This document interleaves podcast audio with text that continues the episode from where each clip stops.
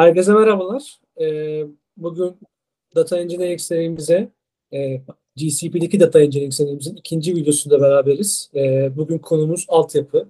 E, GCP'de nasıl altyapı işleri oluyor, e, ne gibi e, yapılar kullanılıyor vesaire. Konularla ilgili bugün konuşacağız. E, İsmet abi ve Alper abi e, ile beraberiz. Hoş geldiniz öncelikle. Hoş bulduk. Merhaba, Emin. E, merhabalar. Kendinizi tanıtabilir misiniz kısaca?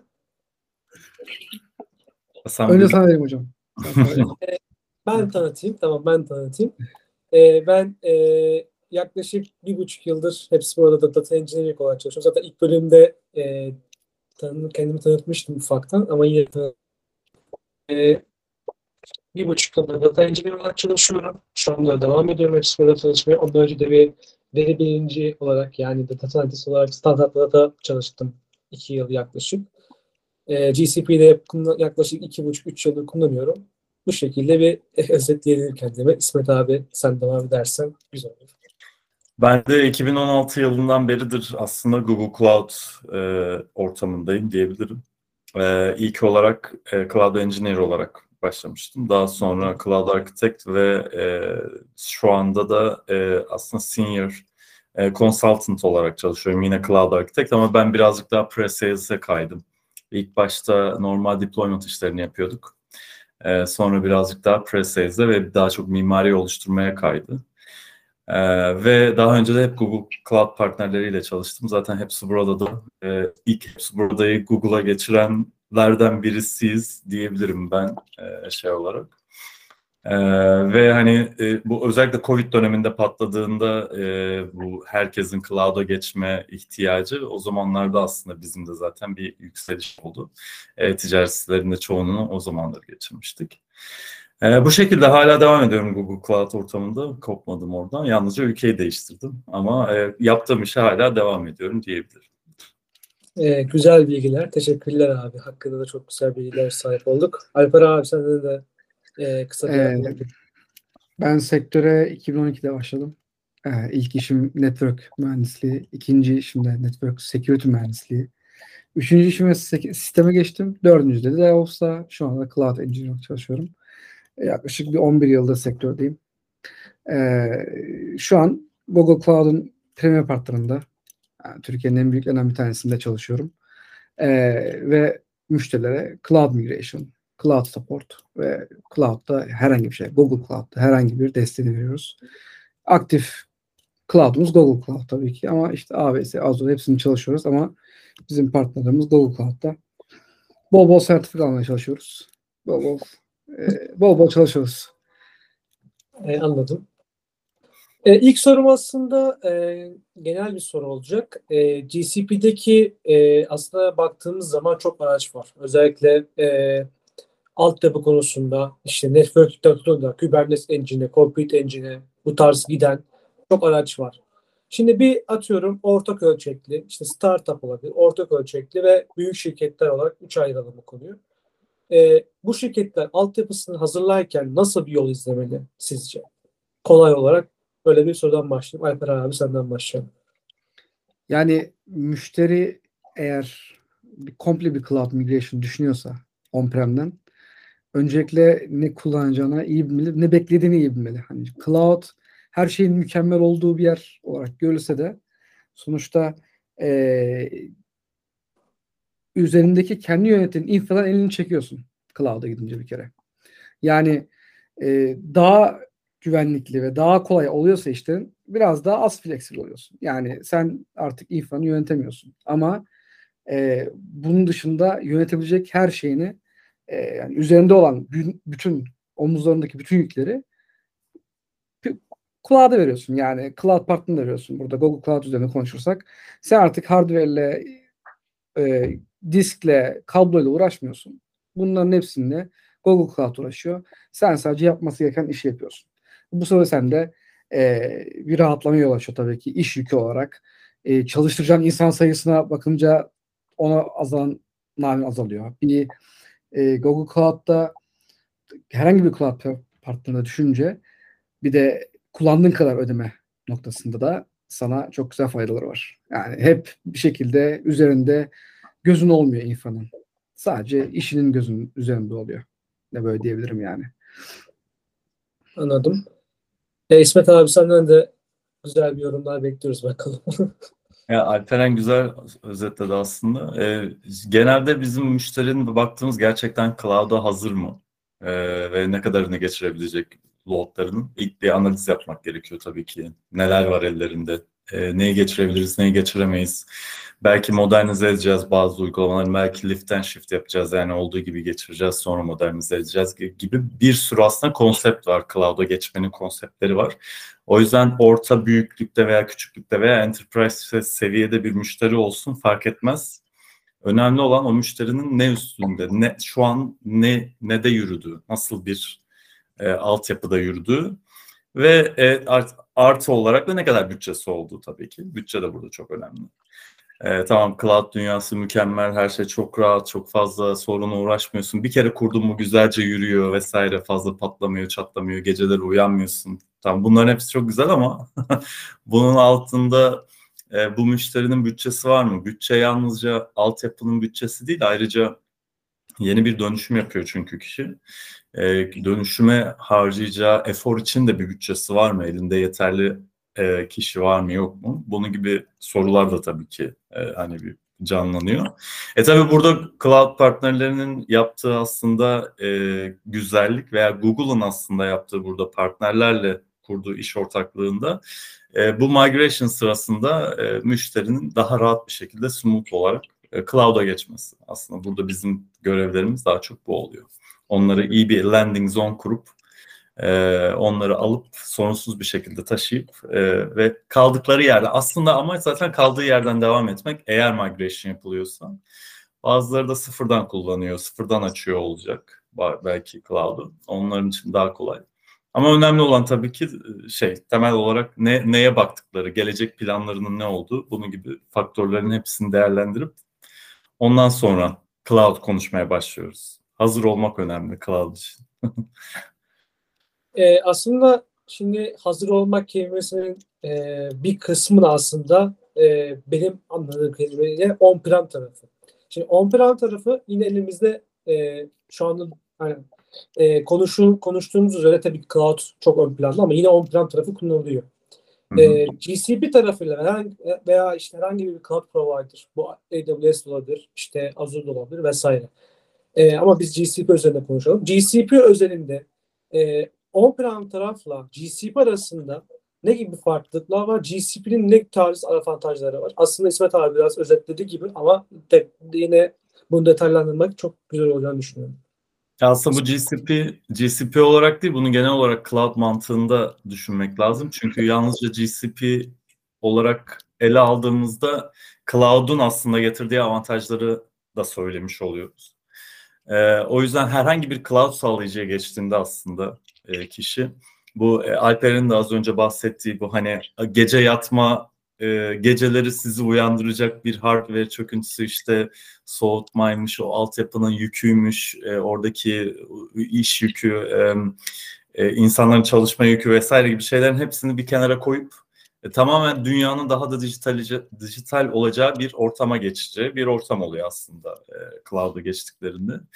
E, ve e, şöyle düşünün en basitinden artık hardware ile uğraşmadığınız için e, ne update ile uğraşıyorsunuz bunun ne e, o donanımı değiştirmekle uğraşıyorsunuz. Yani en büyük getirdiği avantajlardan belki de cloud'un bu olabilir. Ve her şeyin anında hazır olduğu yani tak çalıştır veya iste aç kapat tarzında e, hem ödeme kolaylığı hem de erişim kolaylığı açısından zaten cloud'un çok büyük avantajları var. Google Cloud üzerinde bunu konuştuğumuzda e, zaten Google her zaman en yeni teknolojileri hep e, kendi hardware'ında kullanıyor ve kendi teknolojilerini zaten geliştiriyor. Özellikle kendi altyapısını, donanımlarını. Hatta Google dünyanın en büyük e, ikinci veya üçüncü sanırım donanım üreticilerinden bir tanesi.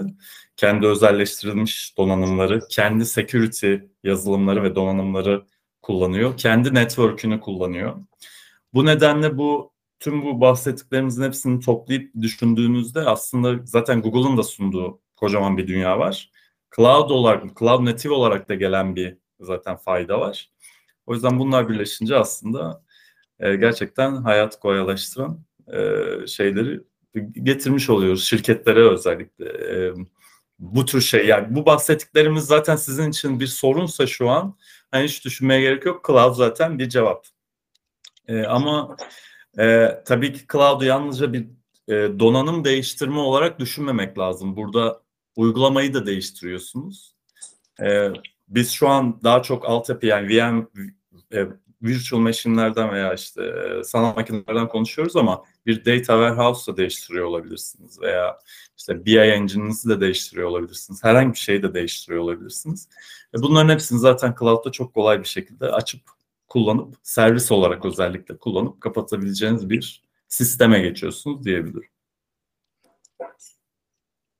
Yani insanın e, sizin şirketlerinizin bir yere bağlı kalmasını engelliyor cloud. Yani siz bir e, data center'a ya da bir şirketinizdeki bir kurduğunuz bir data bir sunucu odasına bağlı kalmıyorsunuz cloud'la. Onun başına bunun güven onun güvenliğini sağlayacak birini koymuyorsunuz. Onun elektriğini, tasarrufunu, onun soğutmasını düşünmüyorsunuz.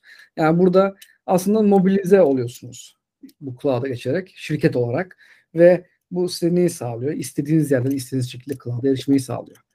Ve e, böylece artık e, zaten pandemi beraber gelen bu mobilize olma süreci cloud web'e daha çok hızlanıyor.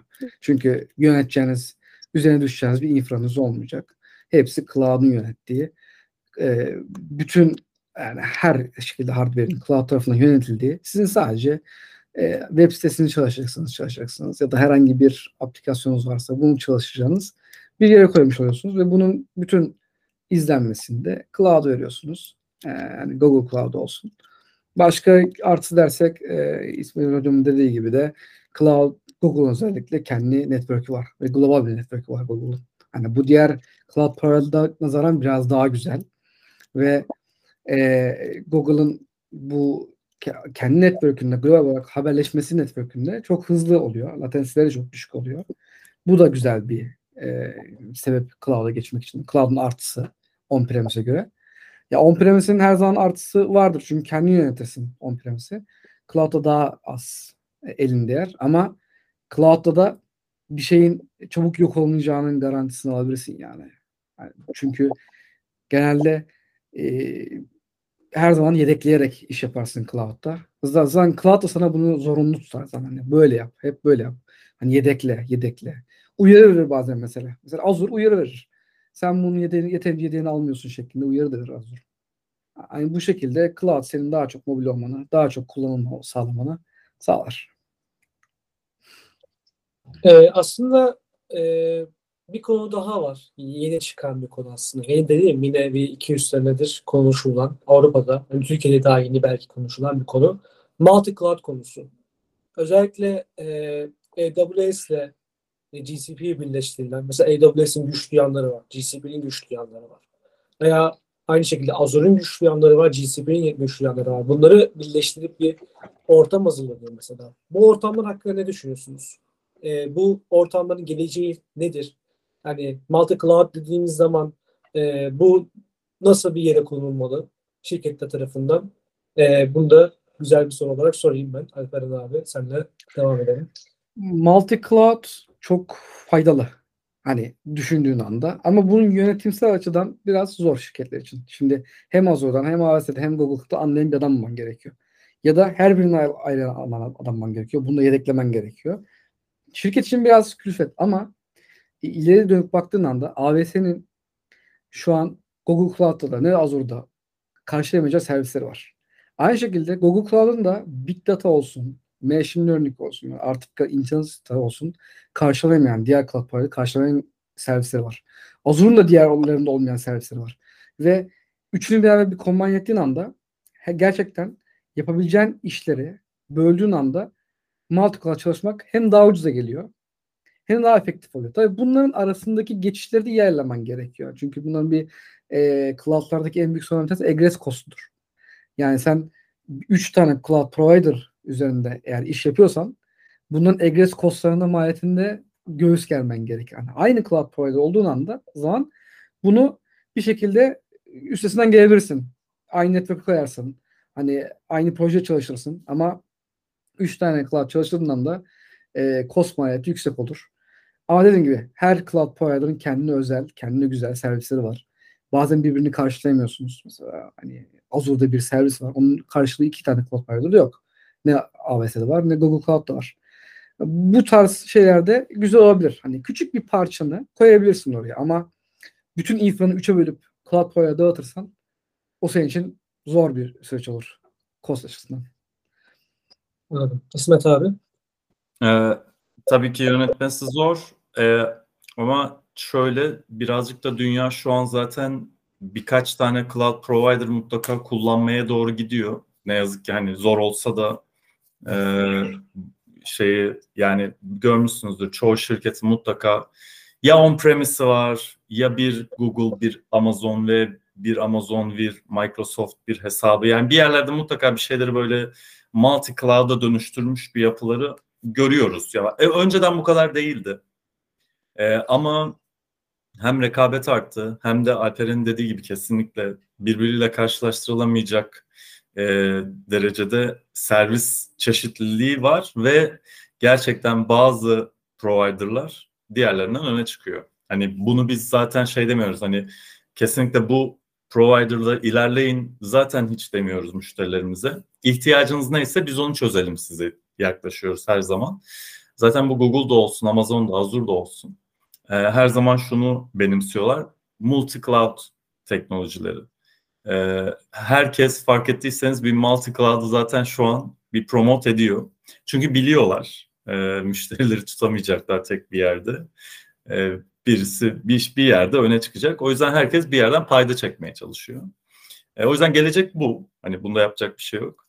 E, peki burada ne tavsiye ederiz? E, yeni gelecek olan gençlere şunu tavsiye ederiz. Birden fazla cloud vendor'ı öğrenip o şekilde ilerleyebilirsiniz. En azından e, hangi alanda ilerliyorsanız yani işte data science'seniz örneğin e, data ürünlerini e, öğrenip bir, birkaç provider'da o şekilde ilerleyebilirsiniz gibi.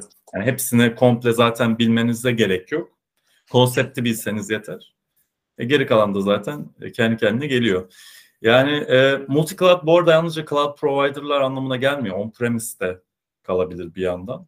E, çünkü sonuçta Türkiye çok regülatif bir ülke. O yüzden e, cloud'a çıkartamayacağınız datalar ortaya çıkıyor.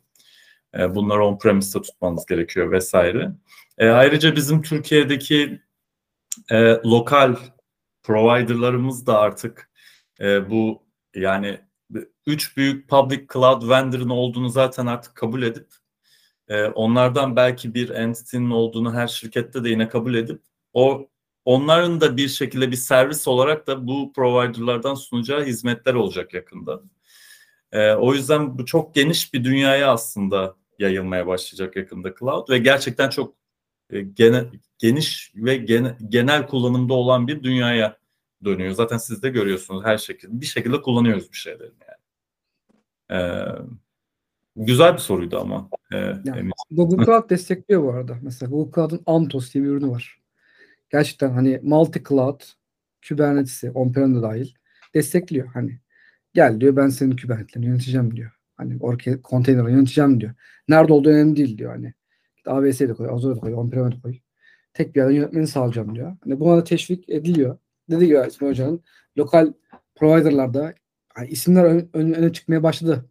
Mesela hani AWS benzeri özellikle AWS'nin arayüzünü kullanıp e, cloud provider'lar çıktı. Hani örnek verirsek NGM var, Atom var, Limon var, RNG var. Hani bunlar artık da Türkiye'de e, cloud'un çünkü dediği gibi İsmail regülasyon gereği çıkaramıyorlar datayı. Madem burada ne ön plana çıkıyor? Hani biz kendi kendimiz yapalım. E, tabii burada da rekabet olduğu için de Türkiye'deki şirketler için de bir ekmek kapısı olacak bu yani. Sonra herkes cloud'u yaptırmaya yapmaya çalışıyor. E, güzel bence ilerliyor. Bu saydıklarım özellikle. Hep görüyorum kendilerini iyileştiriyorlar. Hani yani dediğim gibi her İsmail Hoca'nın dediği gibi tek bir yerde tutmanın anlamı yok ama dediğim gibi çok bazen yönetim açıdan zor oluyor yönetmek. Ee, ben de aynı fikirdeyim bu arada. Ee, aslında biraz aslında bir Google Cloud ürünlerine girelim. Ee, ben e, genel olarak başlangıç olarak e, Compute Engine kullanıyorum kendi adıma veya herhangi bir e, Compute Engine e, tarafında e, kendime daha fazla yük verebileceğim tool'lar kullanıyorum. Ama bu tool'ların da en büyük dezavantajı price yani o ücreti. E, ve hani şöyle bir durum da oluyor bazen. E, ücreti açtığınızda hani bir fatura geliyor. Hani o faturayı artık ödemek yani nasıl olur bilmiyorum. Öyle durumlar olabiliyor. Aynı şekilde bu AWS'te de geçerli bu arada. EC2'da. Ama e, Compute Engine üzerinde konuşuyorum. E, kendi adıma şu soru geldi aklıma. Tamam e, bu şekilde bir kullanımı var ama bu Compute Engine'in de çok önemli yönleri var ve e, bu yönleri avantaja çevirirsen 10 numara bir tool olabileceğini düşünüyorum kendi adıma. E, Compute Engine'i nasıl efektif kullanabiliriz? Yani nasıl bir şekilde e, Compute Engine'i e, kendi projelerimizde hem daha az cost olacak şekilde hem de daha efficiency'yi arttıracak şekilde kullanabiliriz. E, ben e, İsmet abiyle başlayayım. E, Compute zaten temel. Hani e, sonuçta burada kullan Google'da özellikle kullandığın kaynakların çoğu zaten Compute Engine altyapısını kullanıyor. Hani oradan e, çok bir çıkış yok diyebilirim. Hani spesifik olarak serverless eğer serverless veya e, managed vesaire değilse zaten Compute Engine kullanmak zorundasın. E, burada belki cost effective olarak Compute Engine nasıl kullanabileceğini söyleyebiliriz. O da sen de biliyorsun zaten ya spot machine'ler ya da e, preemptible machine'ler olarak kullanılabilir. E, veya makinayı e, ne iş yapacaksınız bilmiyorum ama hani kullanıp kapatıp e, o şekilde bir tasarruf da sağlayabilirsiniz. Hani değişiklik gösterir.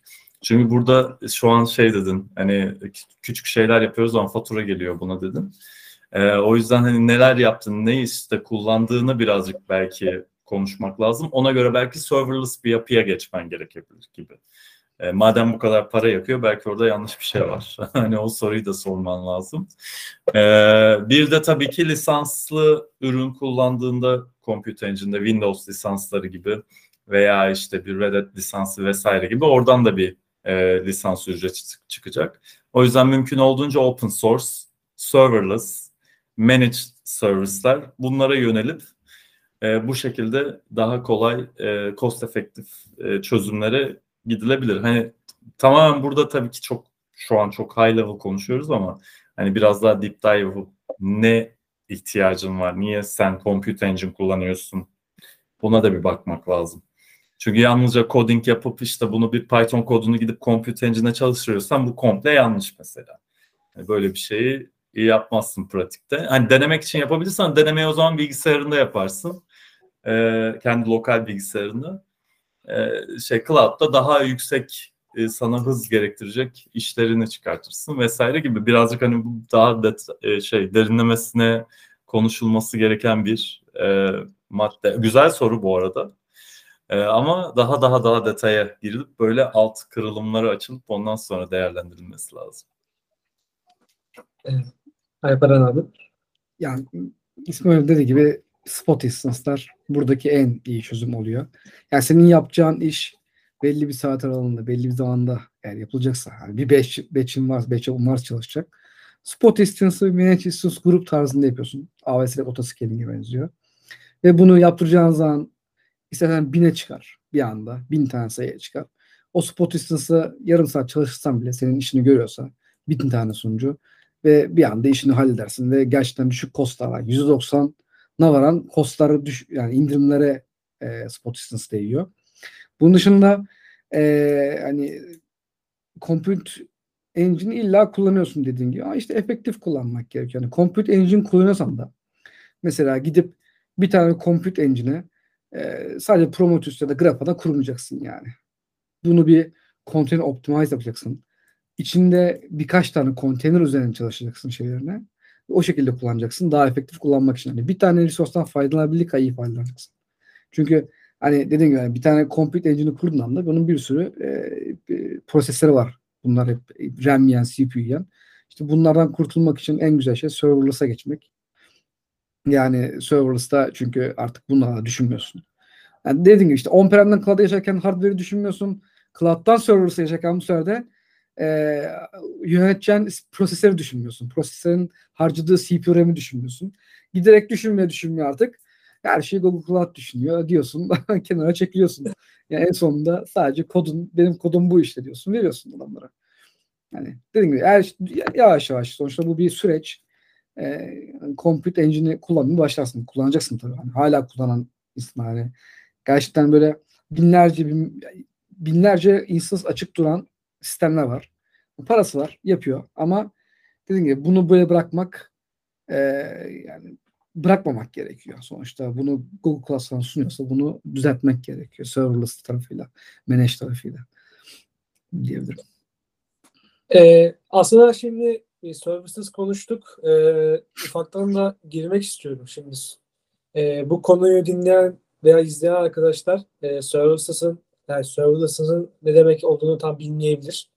Ee, acaba hani tam da ben açıkçası şöyle düşünüyorum. Yani Türkiye'de bu bu tanım bence biraz yanlış da kullanılıyor gibi. Kendi açımdan konuşmak gerekirse. Her şey bence services değil bana kendi düşüncem.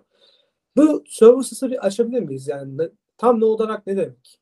Neden biz neden biz her şeye services demiyoruz veya services neye denir? Bunu bir açabilirsek veya GCP tarafında serversiz bir mimari nasıl en efektif şekilde yapılabilir veya nasıl yapılmalı veya ne yapılmamalı?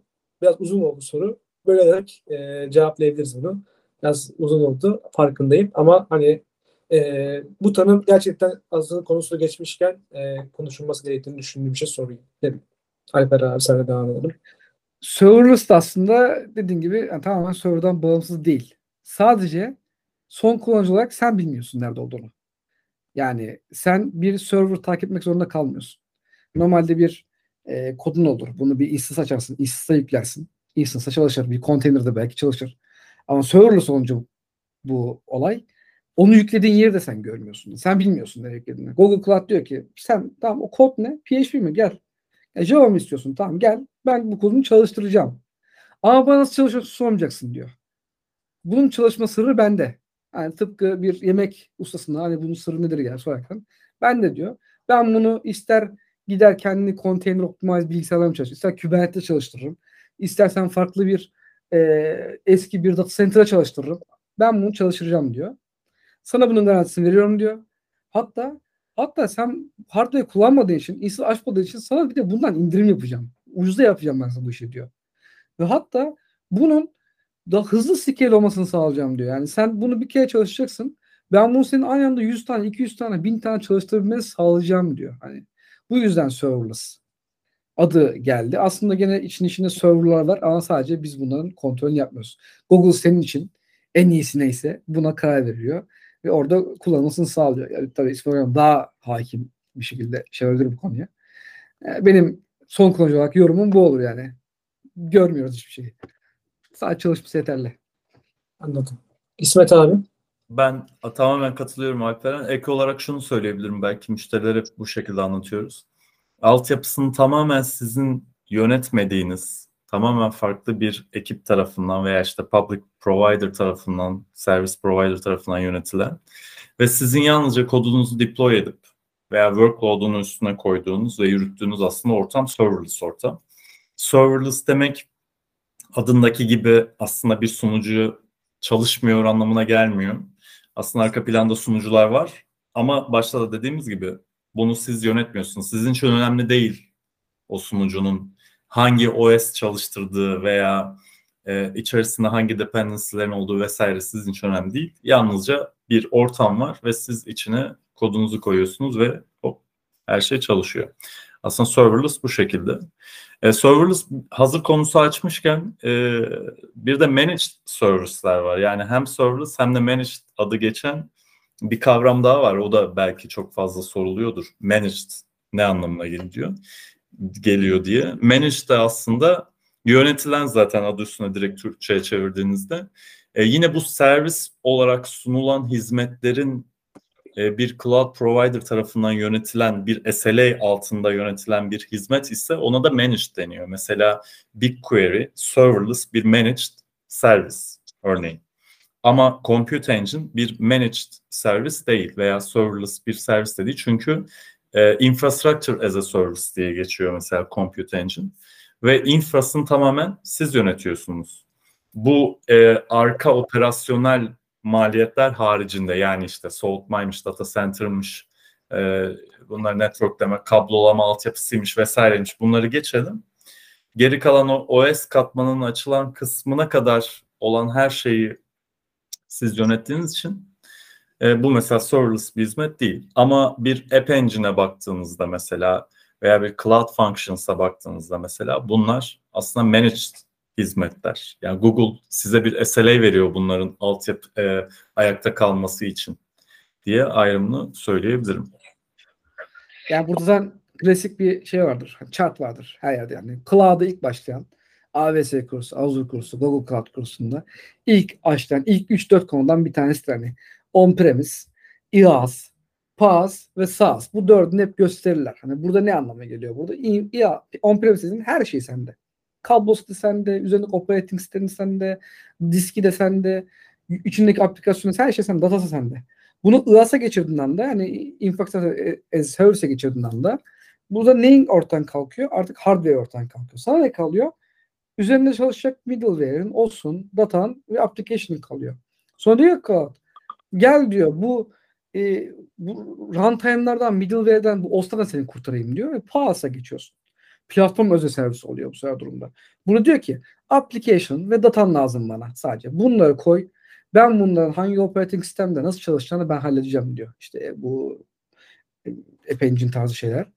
En sonunda da senin kullandığın, benim kullandığım SaaS'a geçiyor durum. Ne mesela SaaS? Mail. Google Google Mail. Bir SaaS. Sen bunun nerede çalıştığını düşünmüyorsun. Nerede olduğunu düşünmüyorsun. Sadece bunu kullanıyorsun. Hiçbir şeye hakim değilsin. Sadece bu onun çalışmasından, o mailin gidip gelmesinden tamamen Google sorumlu. Yani bu chart hep vardır. Bu hep aynı şey hep öğretilir yani Google Cloud şeylerinde, Cloud eğitimlerinde. Ee, evet, çok güzel özetleriniz ve güzelce anlattınız. Gerçekten güzel bilgiler oldu. Ee, şimdi buradan biraz böyle Uğur'da bir şey yapacağım ama güzel bir sorumuz var yine. Kubernetes Engine. Genellikle Kubernetes konuşunca e, biz genellikle on-prem tarafta da kullandığımız oluyor. E, cloud tarafında da kullandığımız oluyor ama e, bir tool üzerinde Kubernetes Engine kullanmak çok önemli avantajları da var. Yine de dediğim gibi dezavantajlı da. Her türlü zaten böyle avantajlı da dezavantajlı artık oluyor. E, bunu söylememe gerek yok. E, Kubernetes Engine'in avantajları nelerdir ve Kubernetes Engine kullanmak bize ne fayda sağlar? Alper abi devam edebilirsin sen istersen. Kubernetes Engine'i eğer on-prem dışında bir cloud'da kullanıyorsan aslında bunun ismi İsmail'in dediği küçük bir nüansda managed oluyor. Managed Kubernetes oluyor. Yani managed Kubernetes nedir? Kubernetes'in birkaç tane komponenti var. Bu control manager, scheduler, etcd olsun, API server olsun. Bunlar senin Kubernetes'in ayakta kalmasını, worker'larla konuşmasını sağlayan komponentler. Bunları cloud'a veriyorsun. Cloud diyor ki ben senin e, master'ını, cluster'ını işte ben yöneteceğim diyor. Sen sadece worker'larını yönet diyor. Buna manage Kubernetes deniyor. Sen sadece worker'lar üzerindeki işte nasıl worker'lar nasıl çalışıyor? CPU'ların ne durumda? RAM'ler ne durumda? Otoscale gerekiyor mu? Hani 5 tane koydum cluster'ı ama çok fazla bazı alana çok fazla bir, şey, bir trafik alıyorsun. Bunun ona çıkmasını sağlayabilirsin sadece. Onun dışında master tarafa hükmedemiyorsun. Hatta e, İsmail Hocam yani alayım ben gerçi İsmail Hocam da söyler bunu. Google Autopilot diye bir şey getirdi. Diyor ki worker'dan sorumlu değilsin artık diyor. Hani sadece diyor workload'un var. Container var. Bunun çalıştıracaksın diyor. Hani artık nodun da ben otomatik edeceğim. Neresi olduğu önemli değil. Gene aynı şeye geliyorsun. Serverless muhabbete geliyor yani. Adama serverless Kubernetes engine yapmış gün sonunda. Hani biz artık müşterilere e, başladık önermeye autopilot'ı. Güzel çünkü. Hani diyoruz ki müşteri nottan kontrol planinden hiç derdin yok. Kubecity'ye çalışacaksın. Senin application'ın, container'in çalışacak. Bu kadar. O arkada kendi scale olacakmış. Worker'ı CPU gitmiş. Auto scale'ini falan da kendine ayarlıyor. Her şeyini kendine ayarlıyor. Yani güzel bir ürün.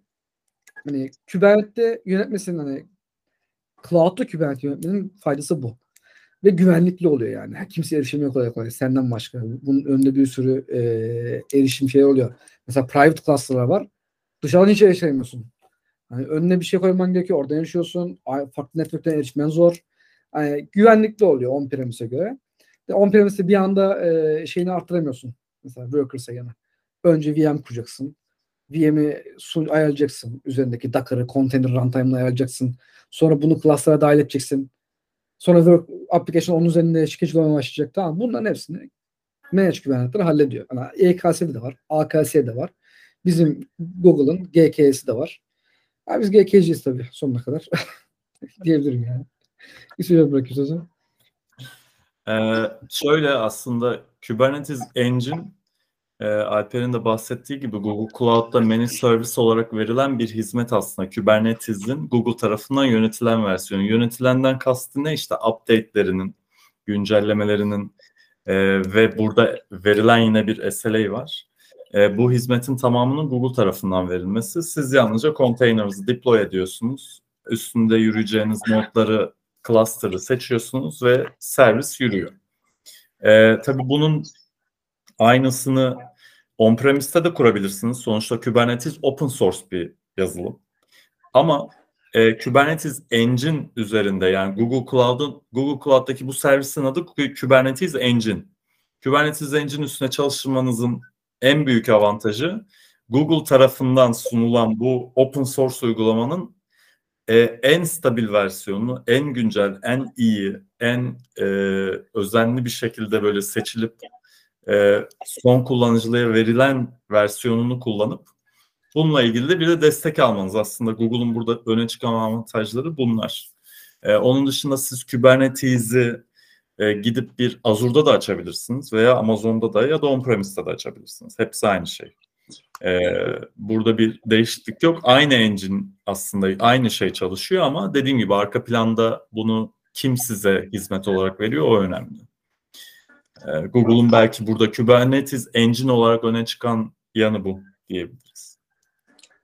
Ee, aslında çok güzel altyapı konularını konuştuğumuzu düşünüyorum ama en önemlisini konuşmadık. Bence networking konusu.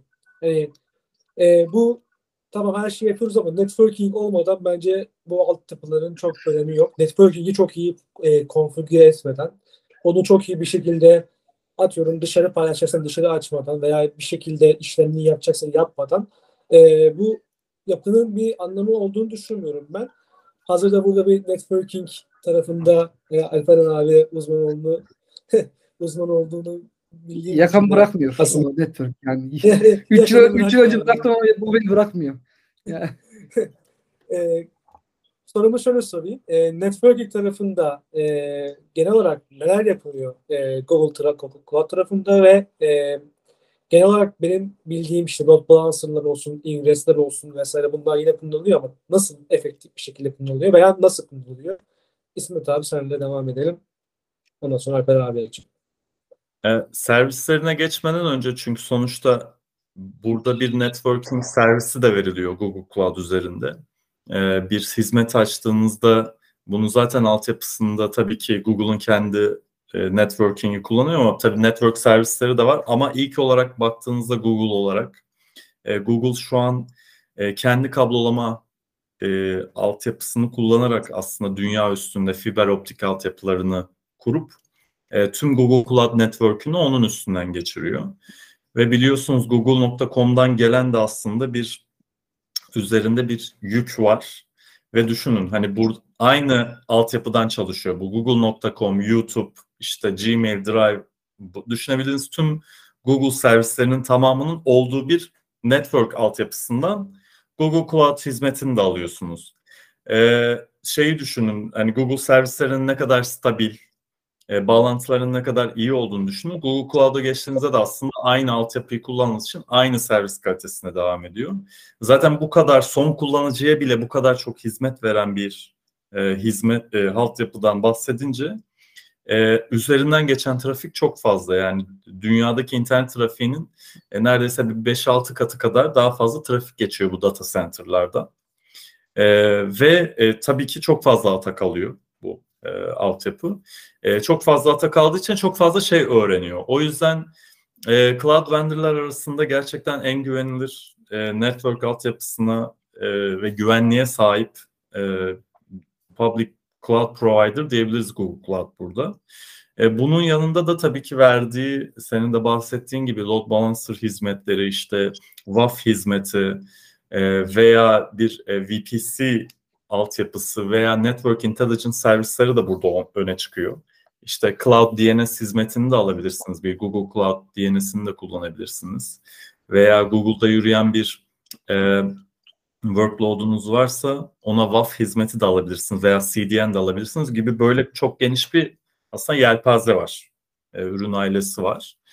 E, tabii burada hani load balancer mı kullanılır, işte normal external IP'den mi gider, e, hizmetler neler gider bu tabii ki şeye bağlı birazcık daha e, nasıl bir workload yürütüldüğüne bağlı ama e, şunu söyleyebilirim. E, network kalitesi olarak yine üst düzeyde olan ama hani genel olarak ihtiyacınızın çözülebileceği her türlü e, network hizmetinin olduğunu söyleyebilirim bu Cloud'da da. Alperen abi. Benim biraz daha böyle teknike kayacak mesela söyleyeceğim şeyler. Ee, kullandığım için o da şu aktif olarak. Mesela Google Cloud'un e, network'ün diğer network ayıran taraf başta da söyledim ben. Global olması. Yani sizin e, US'deki bir instansınızda e, Europe'daki bir instansınızda çok rahat birbirine erişebilir. Herhangi bir şey yapmadan. Sadece aynı VPC içine koymanız yeterli. Aynı bir virtual private e, cloud, bir network koymanız yeterli.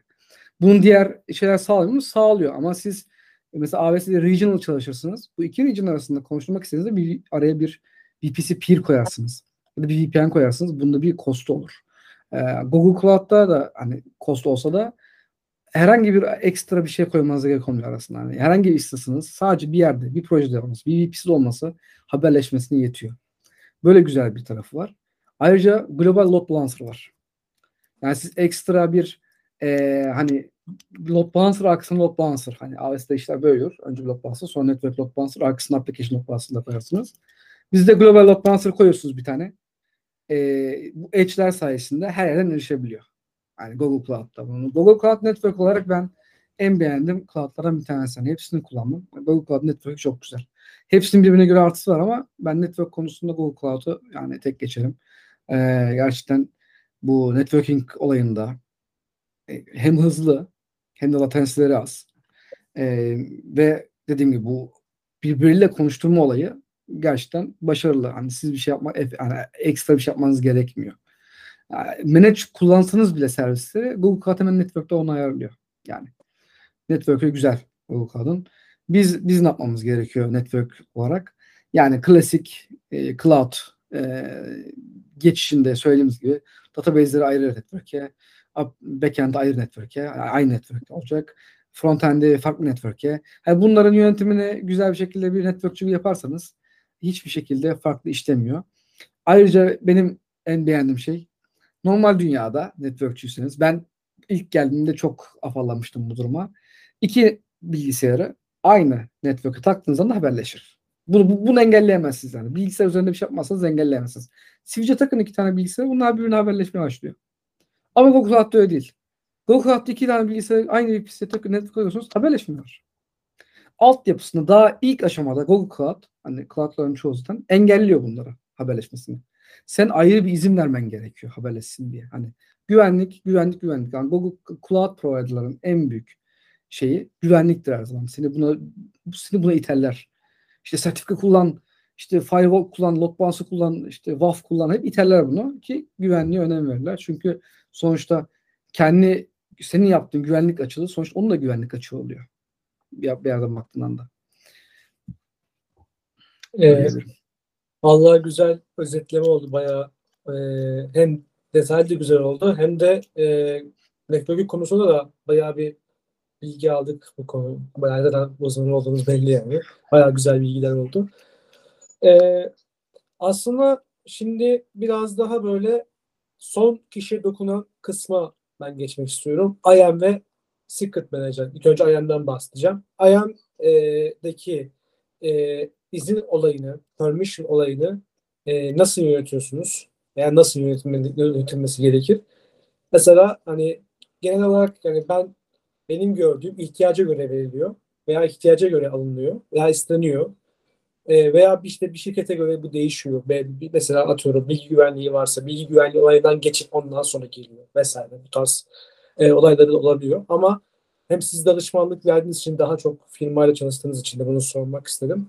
Bu IAM süreçleri nasıl işliyor genel olarak ve IAM süreçleriyle e, nasıl efektif bir şekilde yönetiliyor? E, Alper abi sen devam edebilirsin istersen. Yani burada IAM dediğimiz şey aslında biraz da Google Cloud'da koyduğunuz resource'ların birbirleri arasında erişimi.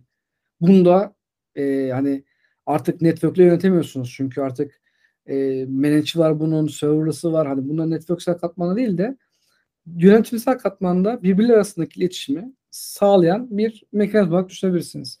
Burada en basitinden e, siz bir instance'ı, bir database'e erişecekseniz normal dünyada on-premise ne yaparsınız? Bu instance'tan e, database'e bir firewall vardır ortada. Geçişine bir kontrol edersiniz işte şunlar gitsin bunlar girmesin diye. Ama bu IAM noktasına gittiğiniz anda servis account'lar geliyor işin içine. Diyorsunuz ki işte bir tane o sunucuya veriyorsunuz servis account'unu. O servis account'unun database'e erişimi var mı yok mu? Bunu ayarlıyorsunuz sadece. Aslında bir gruplamaya yol açıyor. Bu servis account'undan bu database'e erişim olsun diyorsanız o servis account'unu kullandığınız her yerde database'e erişebilirsiniz artık. Ve böylece hem gruplaşmayı sağlıyorsunuz. IP'den bağımsız. Hani gidip farklı networklerde, farklı yerlerdeki şeyleri de bu servis account'unu dağıtarak bunu database'e eriştirebilirsiniz. Yani biz genelde her e, komponenti kendi servis account'uyla çalıştırıyoruz ki e, bunların tek tek permission'ını ayarlayalım. Çünkü hepsinin farklı permission'ı. Birisi editör olabilirse hani aynı şekilde kullanırsak hepsi editör olur bu sefer. Mesela hani database'e erişenlerin belli servis account'u vardır da bunu başta ayarlıyoruz aslında. AWS'de biraz daha farklı. Hem sonda hem başlangıçta ayarlanan bir sistem var. Bizde biz başlangıçta ayarlıyoruz. Gittiği yere değil de çıkacağı yere ayarlıyoruz. Yani çıkacağı yerden e, permission ayarlıyoruz. O yüzden BigQuery'e ayrı servis account veririz. Kubernetes'in nodlarına ayrı servis account veririz. E, hani dediğim gibi servis account'u tanımlarız yapımları, e, bu IAM örneğlerini. Ondan sonra da işletimini sağlarız. Tamamen networksel şeyden bağımsız olarak çalışır bu. Tabii. Benimki birazcık daha high level'a çıkacak. Alperen evet. teknik e, girdi ama. Ben teknikçiyim ya. e, aslında IAM dediğimiz şey Identity Access Management. Yani kimin nereye, ne şekilde erişeceğini belirliyorsunuz. E, bu nedenle cloud dünyaya aslında girdiğinizde IAM daha önemli bir e, noktaya geliyor. E, çünkü normal on-premise sistemde düşündüğümüzde bu kadar geniş rol görmüyorduk. E, ama şimdi servislere her şey bölündüğü için ve e, accountlara artık fark ettiyseniz mail adresiyle public olarak giriş, yani public bir internetten giriş sağladığımız için e, her verdiğimiz rolün ve e, buradaki rolün getirdiği izinlerin tek tek ayarlanması ayarlanması gerekiyor. E, bu nedenle aslında e, identity, IAM access management e, aslında cloud'un temellerinden bir tanesi, security temel taşlarından bir tanesi. E, ve hani teknik olarak da şunu söylüyoruz her zaman, hiçbir zaman e, over granted yani çok fazla e, izin içeren roller atamayın diyoruz kişilere. Çünkü e, gereksiz izin verdiğinizde ve bir hesap bir şekilde ele geçirilirse e, tüm ortamı e, güvensiz bir hale getiriyorsunuz.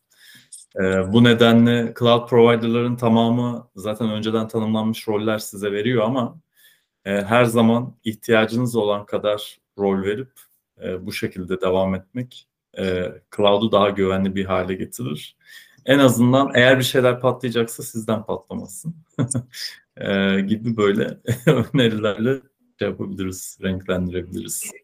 Zaten bu cloud mantığında genelde patlama, çatlama olduğu zaman kişiye oluyor. Öyle durumlar oluyor. Neyse bir ya her şeyin her şeyin logu var. Ne yaparsanız loglanıyor zaten. Zaten güzel tarafı o.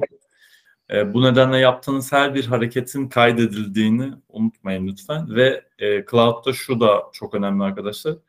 E, bu hesaptan siz sorumlusunuz. Yani Google bu hesabı çaldırtmaz. Zaten onlar gerekli e, güvenliği koyuyor e, kendi e, altyapısının üzerine. E, ama burada güvenlik çift taraflı. Hem bir cloud vendor zaten bir güvenlik sağlıyor hem de kişinin kendi kimliğinin güvenliğinin sağlanması lazım. Bunu şey gibi düşün hani Instagram hesabınızın çalınması mesela. Yani bu sizin sorumluluğunuzda. Oraya gidip 1, 2, 3, 4, 5 diye şifre koyup iki adım doğrulamaya etkinleştirmezseniz o hesap gider. Instagram'ın da umurunda olmaz çünkü sizin sorumluluğunuzda bu. Cloud'da da aynı şey. Hiçbir farkı yok bunun. Gmail'miş, Instagram'mış, işte başka bir hesapmış gibi. Hani en basitinden bunlar söylüyorum ama e, aynı mantıkta yaklaşacaksınız. Bu nedenle o hesabı güvenli hale getirmek sizin sorumluluğunuzda. E, ve hiçbir zaman e, yüksek izin vermeyin hesaplarınıza. Yani gerekli gerekli olduğu kadar hesap verip o şekilde e, izin verip o şekilde ilerlemenizi tavsiye ediyoruz biz her zaman. E, aslında şimdi IAM'den de bir secret manager'e doğru kayalım son olarak. Yani son e, benim gördüğüm konulardan bir tanesi secret manager. E, şimdi aslında bu secret manager olayı biraz bence e, karmaşık bir olay. Yani karmaşık de, demeyeyim de biraz böyle karıştırılabilen bir şey. E, secret manager tam olarak nedir? İlk önce onu alalım. Ve Secret Manager'in IAM'den farkı nedir? Veya onu soralım. Ve e, Secret Manager kullan, kullanan birisi nasıl kullanabilir? Onu da sorayım. Üç tane soruyu birleştireyim.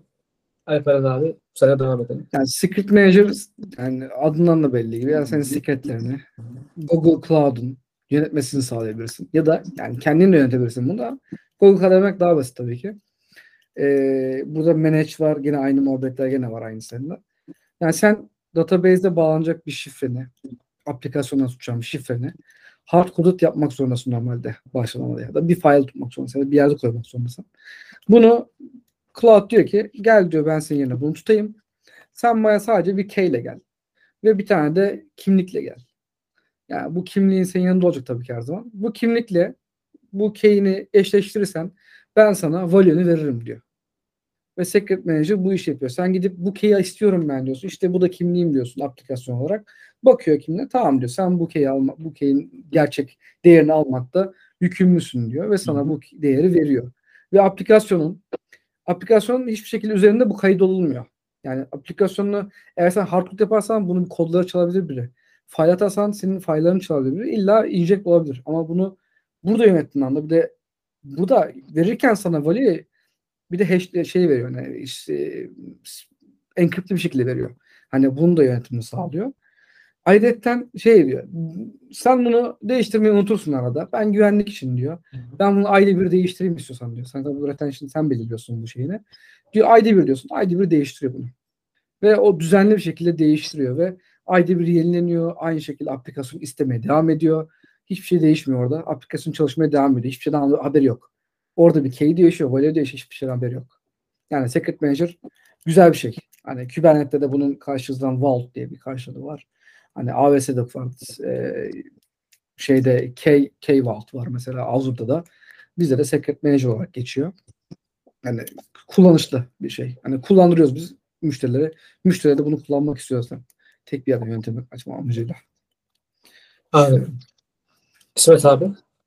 Ee, şöyle Secret Manager'ın aslında ben yine bir high level yukarı çıkıp sonra belki tekniğe inmek daha iyi olacak. Ee, aslında bir servis Google tarafından e, verilen bunun farklı versiyonları farklı cloud provider'larda var. E, ve sizin e, cloud üzerinde taşıdığınız yüklerin, e, şifrelediğiniz özellikle datanın e, bilgilerini tuttuğunuz bir yer aslında Secret Manager. E, aslında bir key management e, alanı. Ve e, cloud'da her zaman veriniz şifrelidir. Bazı cloud vendor'larda varsayılan olarak şifreleme yok. Hangisi olduğunu e, şey burada vurgulamaya gerek yok ama Google Cloud'a geçtiğinizde verileriniz her zaman şifrelidir. Ve varsayılan bir Google Cloud şifrelemesiyle korunur. E, siz isterseniz kendi şifreleme metodunuzla veya bir şifreleme cihazınızla veya bir programınızla on-premise'te şifreleyip şifreli bir şekilde cloud'a atıp bu key'leri de bir yerde saklamak isteyebilirsiniz.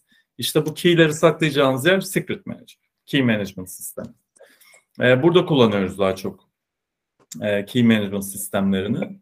E, bunlar kendi içerisinde key'leri rotation yapabilir, key'leri değiştirebilir, şifreleme türünü değiştirebilir, seçebilir vesaire gibi bir sürü şey var. Ayrıca kendi şifrelerinizi de orada saklayabilirsiniz. Bir nevi aslında orası bir data store aslında. E, veri tutan bir yer. E, gibi bir alan. Zaten daha detaylı ve teknik olanla Alperen bahsetti ama hani genel olarak kapsam, kavram nedir, konsept nedir derseniz çok basit anlamda düşündüğünüzde bir e, şifrelerinizi yönettiğiniz alan aslında. E, Secret Manager olan. Ee, Allah çok güzel bir session oldu. Ee, benim alt takım ilgili sorularım bunlardı genel olarak. Teşekkür ederim ikinize de. Ee, şimdi son bir özel bir sorum var. Ee, özellikle İsmet abinin üzerine ama Alperen abi de cevap verebilir. E çünkü sektörde tecrübeli. Bu e, GCP'deki sertifika olayı. Şimdi ya da gülüşte anlaşılıyor. E, bu GCP'deki sertifikalar e, nasıl alınıyor? Nasıl bir süreci var? E, neler yapmak gerekiyor? Veya GCP sertifikası olduğu zaman ne faydası oluyor? Bu özel bir soru bu arada. E, ama hani Alper abi sen de cevaplamak istersen memnuniyet duyarız. Buyur abi. Ee, şöyle e, e, sertifika tabii ki sizin e, bu alandaki yeterliliğinizi kanıtlayan bir belge ama sertifikanız yok diye siz bunu bilmiyorsunuz anlamına gelmiyor kesinlikle. Bir kere orayı bir ayrıştıralım. Evet. Sertifika nice to have bir şey. Varsa güzel. Evet. Ee, bazen bazı şirketler istiyor sertifikayı. Mesela ben şirketimi değiştirirken e, sertifika sayısı önemliydi. E, ve rol olarak da. Çünkü sonuçta e, bazen sizi daha iyi tanıyabilmeleri için elinizdeki e, e elinizde bulundurduğunuz e, kendinize ait şeyleri görmek istiyorlar e, bir belge olarak düşünün bunu. Yani bir, bir diploma gibi düşünün yani. E, sertifikalar o yüzden gerçekten işe yarıyor. E, yeni mezunsanız özellikle ve sektöre yeni giriyorsanız deneyiminiz yoksa e, o zaman sertifika almak gerçekten çok işe yarayacaktır arkadaşlar. Gerçekten şirketler buna dikkat ediyor çünkü çok deneyimsiz olabilirsiniz ama bu konuda gerçekten istekli olduğunuzu gösterir sertifikalı sahip olmanız. En azından basit seviyede işte Cloud Digital Leader, e, Associate Engineer gibi böyle daha e, çok fazla deneyim istemeyen ama e, daha ezbere dayalı veya kendi e, içinizde bilgisayarla e, yani kendi bilgisayarınızda ya enterprise ortamda değil ama kendi bilgisayarınızda yaptığınız böyle demolarla geçebileceğiniz sertifika sınavlarına girebilirsiniz. Bunları geçebilirsiniz. Professional sertifikalar birazcık daha deneyim istiyor ne yazık ki. Hani gerçekten çünkü gerçek hayattan e, örneklerle geliyor size. Ama geçemeyeceğiniz anlamına da gelmiyor bu bu arada. Hani e, geçebilirsiniz. Burada şey yok. Kesinlikle deneyime ihtiyacı vardır demiyorum. E, tek tavsiyem e, sınava girdiğinizde ilk aklınıza geleni işaretleyin ve geçin. E, her zaman işe yarıyor bende. Bir de kaynak olarak da Google'ın e, sertifika sınav sayfasındaki örnekleri mutlaka çözün derim. E, ve e, Cloud Guru özellikle çok iyi bir kaynak. E, Cloud Guru'ya bakmanızı tavsiye ederim. Ve Google Türkiye'nin bu sertifika özelinde özel eğitimleri oluyor. E, hem Professional e, Architect, Cloud Architect, e, Data Engineer, e, bir de Associate'e sanırım bazen açıyorlar. Net, net, network var. Network de mi? E, şeyler var. Eğitimler açılıyor ücretsiz. E, bunlara girin arkadaşlar. E, geçmemeniz için bir neden yok. Yani e, neden olmasın? ben ben multi cloud e, sertifika. Hani Azure, AWS, Google Cloud hepsinden var. Aa, üzerine işte Kubernetes, Terraform işte ne bulursam işte tamamladım. Bunları bir tabii dediğim gibi işte İsmail Hocam'ın bunların hepsini bir sonuçta bir rozet gibi bulunduruyorum yanımda. Hani bu biraz bildiğini gösteriyorsun. Aslında bu sertifikalar biraz da onu sağlıyor. Hani çok deep dive soruyor çünkü. Mesela professional sertifika deep dive soruyor yani. Gerçekten hani birkaç tane servisi birleştirip bir senaryo veriyor sana. Buradan çözümünü bulmanı yol açıyor. Eğer sen bunu gibi deneyimlemediysen bunu daha önce orada ne tepki vereceğini bilmiyorsan o servisin hani o soruyu bilmen zor olabilir. Çok çalışırsın. 3-4 ay çalışırsın yaparsın. Ama ben bir sertifika sınavını bir yerde geçeceğim diyorsan bunun bir deneyim, ön deneyimi olması gerekiyor. E, Google Cloud'un sertifikalarının en güzel e, şeyleri e, Cloud Guru. Gerçekten orası çok faydalı. E, hepsine hakkında hem e, mock exam'ler olsun, mock'lar olsun hem de practice'ler olsun hem de son sınav soru olsun hepsi var. Ee, tabii elinizin altında bir sürü yer var. Yani Vizdep var, Udemy var, hepsi var. Ben hepsini kullana kullana yapıyorum bu sertifikaları. Yani Google Cloud özelinde e, biraz daha kolay diyebilirim. Yani diğer sertifika sınavlarına göre Google Cloud'undakiler. Ee, hani servis sayısının etkisi var burada. Hani bunun servis sayısı çünkü senaryoya katacağı servis sayısı çok şey değil ve e, deneyimlemesi kolay. Yani Google Cloud deneyimlemesi gerçekten çok kolay. Çünkü ben 8. üyeliğimi aldım. Yani Hı. gerçekten 8 kere 300 doları bitirdim. Yani Google Cloud'un en güzel tarafı size 300 dolar veriyor. Ve 3 ay boyunca harca diyor. Ve herhangi bir şey istemiyor bunda. Gerçekten hani göster kredi kartını hemen sonra sil tekrar kredi kartını. O 300 doları sana veriyor. Hani AWS'de Azure'da bunları yaşamıyorsun. AWS'de 12 aylık bir free tier var. Ama sana 1 GB CPU 1 GB RAM veriyor. Hani bununla geçit. Hani anlık bir şey bir snapshot al bakayım. Unut orada o snapshot'ı. Gerçekten dediğin gibi başta söylediğin gibi faturayla karşılaşırsın ya hani üzülürsün yani dolar bazında. Yani dediğim gibi hani ama Google Cloud'da öyle bir şey yok. Google sana 300 dolar veriyor. Kaç tane? Hani bayağı 5000 dolar, 5000 liralık bir şey veriyor. Evet. Bitiremiyorsun. 3 ay boyunca. Hani iş satışıyorsun, onu yapıyorsun, bunu yapıyorsun. Deneyimlemen çok kolay Google Cloud'da. Onun için ben Google Cloud sertifikalarını alması diğerlerine göre daha kolay. Çünkü deneyimleyebiliyorsun. BigQuery açabilirsin. Kubernetes açabilirsin. Hani AWS'de git free tier'le Kubernetes aç. Açamazsın çünkü free tier'le. Sağlamıyor. Yani onun için e, ben Google Cloud özelinde kesinlikle e, free alınmasını düzenli olarak alın free. Kullanın. Container'ını kullanın. Hani her aldığınız bir free bir servisini kullansanız gerçekten 2-3 free tier sonrasında bu 9 ay 1 yıla denk geliyor. Bütün servisleri bedavaya deneyimlemiş olursunuz ve sertifikayı alma yolunda çok rahat edersiniz yani. AWS'ye göre. Gerçekten. Yoksa AWS'ye para vermeniz gerekiyor. Sertifikalarını gerçekten şey yapmak için biraz elini altınıza koymanız gerekiyor. Ya da körlemesine girmeniz gerekiyor sınavlarına. Bunu diyebilirim. Google Cloud özelinde. Çok güzel bir session oldu. Teşekkür ederim. Ee, son olarak söylemek istediğiniz bir şey varsa alalım. Sonra da kapatalım. Bu şekilde. Yani, Yani Cloud mutlaka, güzel. Evet. mutlaka bir cloud sertifikasını almasını öneriyorum ben arkadaşlarına eğer bu konuda ilerlemek istiyorlarsa. Ee, İlla Google Cloud olmasın. Ben söyleyeyim. Azure bedavaya e, Fundamental sertifikası veriyor.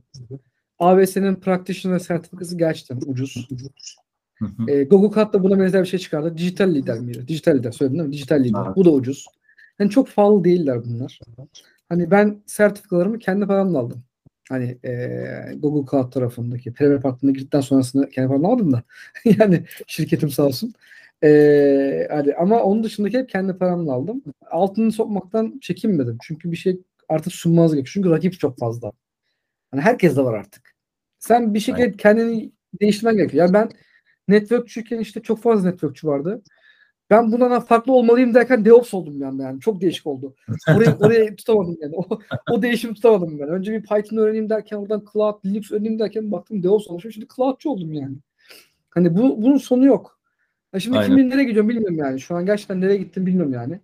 Ee, bunun sonu yok ama herkesten farklı olmanız gerekiyor bu ülke standartlarında, bu dünya standartlarında. Bunu sağlamanız gerekiyor. Tam sertifika bir kriter değil. Ya bende CCNA de var. CCNP de var. Bakın ben Cis, net Cisco tarafında bir sertifika aldım ben. Onlar duruyor. Ama dediğim gibi bunlar olması gereken şeyler. E, nice to have. Artık nice to have'i de geçti artık böyle must gibi bir şey oldu. en azından bu başlangıçlara fundamentals, practitioner ve dijital lider bu üç sertifika gerçekten ucuz rakamlara. Yani 15 dolar, 10 dolar bakın cidden çok ucuz rakamlardan bahsediyorum. E, bunlara bu sertifikaları alabilirsiniz ve e, öğrenciyken bile bir bir tık öne geçebilirsiniz yani. Bu önemli. Ee, ben de genç arkadaşlara tabii ki Alper'in söylediğine tamamen katılıyorum. Ek olarak arkadaşlar şeyleri takip edin. Ee, bu vendorların Türkiye sayfalarını özellikle. Ee, eğitim veriyorlar ücretsiz. Hani tabii ki ücretli de alabilirsiniz. Bunlar zaten çok fazla pahalı olmayan e, sertifikalar ama e, hani para vermek istemeyebilirsiniz gayet normal. E, o zaman takip edin LinkedIn'den ve e, ücretsiz e, eğitimlerle sertifika kazanma ihtimaliniz var. E, alabilirsiniz sertifikaları. Yani LinkedIn'i aktif kullanın yani. Evet. Yani ben daha işte sektörde dördüncü senemken falan böyle LinkedIn'e girmişken adam ikinci sınıfken LinkedIn'den network kasıyordu. Yani bazı öğrencilerin e, farkındalığı çok hızlı oldu. Hani bu sınıf- tabii görüyor adam çünkü hani işsizlik şudur bu derken farkındalığı çok hızlı elde ediyor. Ben farkındalığı elde etmem belki çalıştığım 3-4 sene sonra oldu. Şu an çok aktif kullanıyorum LinkedIn'i. Hani sürekli post diyorum, Medium'a yazı yazıyorum. Hani düzenli olarak kullanıyorum. Hatta şimdi YouTube'a başladım. Ee, Onu da hazırlıyorum e, videolarını. Dediğim gibi hani artık bu farkındalığı gençler çok hızlı kapıyor. Hani ben ben söylesem ya zaten ben bunu biliyorduk der. Yani şu an gençler. Ben bir artık söylesem ya ben bunu biliyorum zaten der. Bu söylediğin şeyi. Farkındayım der. Herkes farkında. Sadece biraz daha bir şeyler vermek gerekiyor kendinden. Hani yani bu, bu böyle bir sektör yani. Ee, IT sektör özelinde bu. İlla cloud'da, DevOps'ta değil yani. Ee, teşekkür ederim bu arada tekrardan. Ee, çok güzel bir seçim oldu. Umarım faydası olmuştur tüm dinleyenlere ve izleyenlere. Bir sonraki session'da görüşmek üzere. Hoşça kalın, esenle kalın.